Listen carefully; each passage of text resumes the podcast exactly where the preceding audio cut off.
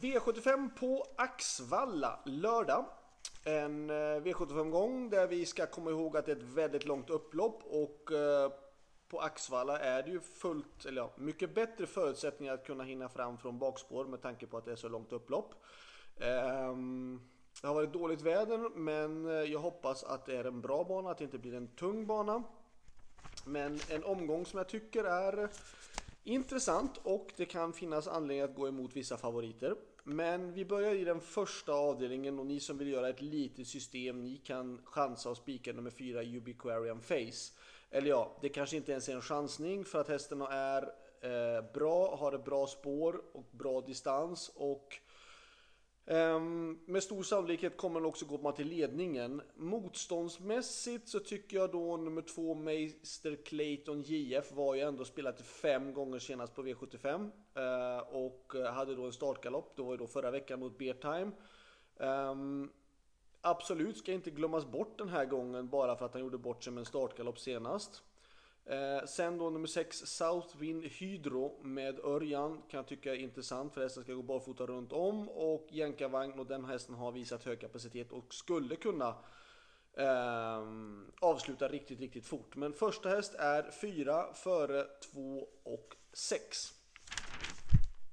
V75 2 är ett lärlingslopp och det dyra loppet. Jag tycker man ska ta fler hästar med i det här loppet. Eh, storlopp och 3 Honey Journey 4 Erin Set 6 Global Benefit 7 The Bank on Broadway 11 Svesak Palema 12 Valkyria K eh, det är väl de som jag tycker är utgångshästar. Ska man plocka ytterligare någon häst och varningen i loppet kan jag säga i sådana fall, då tycker jag nummer 15 Pappa Johnnys Ilse.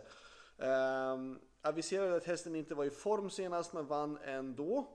Och hon, jag tror att det här loppet är jätteöppet och att det är ett långt upplopp. Det tror jag absolut inte är någon nackdel för, för pappa Jonny. Så att 3, 4, 6, 7, 11 och 12 och kanske 15. V75 3, då är då den stora, stora favoriten nummer 11 Maestro Crow. Och eh, det är ju absolut den bästa hästen, rätta distansen, eh, spår 12 är väl ingen nackdel heller. Förutsättningarna finns där absolut. Det som talade emot det var ju att hästen ändå galopperade dubbelt senast och eh, är otroligt hårt betrodd. Eh, står väl i över 70 gånger, eller 70 gånger 70 procent. Och det är klart att Finns det någon gång man ska gå emot så är det en sån här gång i sådana fall. Men det är klart att det är en, det är en spik, absolut. Eh, I, I normala fall. För att han är ju en, en gulddivisionsklass och de andra är ju bara i klass 1. Så att det är klart att det är Ehm, stor fördel för nummer 12 Maestro Crow. Värst emot tycker jag då i sådana fall är nummer 2 Flexible Launcher eller 5 Vikar eller 8 Timo Lane. Så 2, 5, 8 eh, emot 12. V75 4 storlopp och eh, vi ska ta flera hästar. Eh, 13 Alhambra Mail ska ju självklart med. Kalle Jeppsson på Axvalla från springspår på 20 meters tillägg med springband. Det är klara förutsättningar för att det ska bli en bra start och eh, Alhambra Mail är en solklar första häst. Det jag tycker är mest intressant emot är nummer 5 Garza, 7 eh, Dara Bibo och 9 Lyx Håleryd. Själva med nummer 15 Zeta Kronos som hon känns okej okay och hon ska gå barfota runt om men bakspår på 20 meters tillägg och Alhambra Mail har springspår. Det gör ju att det kommer klart bli såklart svårt. Framförallt när Zeta Kronos är en sån häst som också trivs allra bäst med att vara med där framme. V75 5, då är det spikförslag på nummer 12 Kondior. Eh, nummer 2 Kondior och eh, det gör jag på grund av dels att hästen har varit väldigt bra och har ett bra utgångsläge och alla de värsta motståndarna har de sämsta utgångslägena.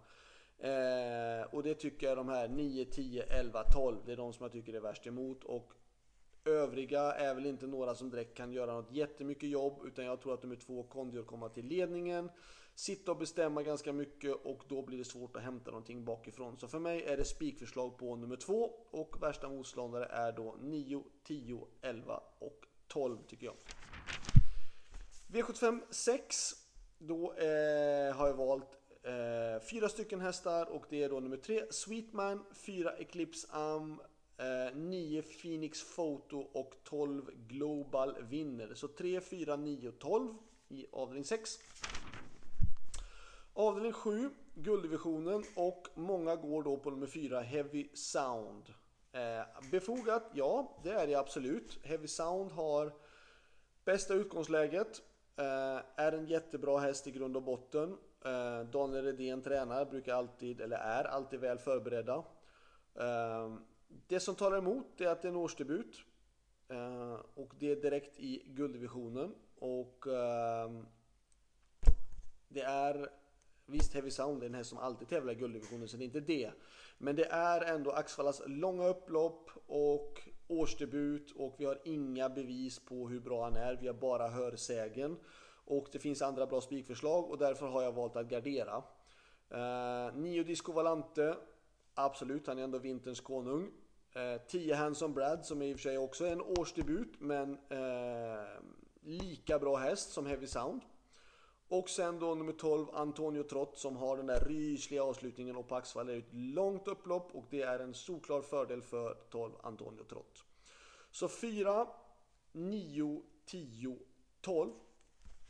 Eh, chanser för min del, ja det är inte mycket. Jag kör ju bara Zeta Kronos. Så det är inte mycket. Eh, varningarna däremot, om vi ska ta ytterligare någon häst i varje avdelning. Då tycker jag i V75 1, nummer 1, Mr Perfection. Eh, spår 1, 600 meter bil på Axvalla är inte så illa och eh, skulle kunna få det absoluta loppet. Sen att det är ett långt upplopp gör helt klart att det är en fördel för Mr Perfection om man får lucka. V75 2 ska jag säga, ja det var ju då nummer 15 Pappa Johnnys Ilse. Eh, har går ju hela tiden bra och om den nu är bättre med lopp i kroppen, bättre form så är det såklart jätteintressant. V75 3 då säger jag ytterligare någon då förutom motståndarna 3, 5 och 8 emot 12. Då säger jag nummer, eh, nej, 2, 5, 8 så säger jag att varningen är nummer 3. Bransbys, Bran, Bransbys Jukebox. Um, jag kan tycka att det är intressant. Kom ihåg att Hans eh, Krebas hade ju jätteframgångar om jag inte minns fel just på den här V75-gången förra året. Och eh, skulle inte förvåna mig om alltså, att man har form på samma tidpunkter varje år är inte någon slump. Och den hästen har ett bra utgångsläge och eh, Hans har visat form på sina hästar också. Så att jag kan tycka att det kan vara en absolut farlig outsider. I V75 4 det är precis samma sak. 3 Miss Moneypenny med Hans Krebas, samma sak där. Hästen har gjort en start för Hans, var tvåa då, eh, knappt slagen. Med rätt löpning så skulle det kunna vara farligt. V75 5, då om man nu förutom då eh, de här 9, 10, 11, 12 så ska man plocka någon mer häst, då är det nummer 5 Mandela Zon då, Janne Korpi. Eh, men jag kan tycka att det är superöppet bakom faktiskt. Kanske till och med ett, ett Dark Angel Avenue. Um, jättesvårt uh, bakom att hitta en varning i avdelning 5. Avdelning 6, då ska jag hitta någon mer häst då, då nummer 10, Cinco Jet, som ju då haft ett litet uppehåll, eh, gjort en start och eh, efter vintervila vann då med skor och nu barfota runt om och jänkarvagn. Eh, skulle kunna vara farligt. Och i avdelning 7 ska vi plocka någon mer häst i guldvisionen då tycker jag. Um, då stod jag och valde mellan 6 Irian Webb och 7 Night Brodde. Men eftersom att det är ett långt upplopp på Axvalla så valde jag nummer 7 Night Brodde. Så det var allt. Lycka till så hörs vi igen nästa vecka. Ha det bra. Hej då.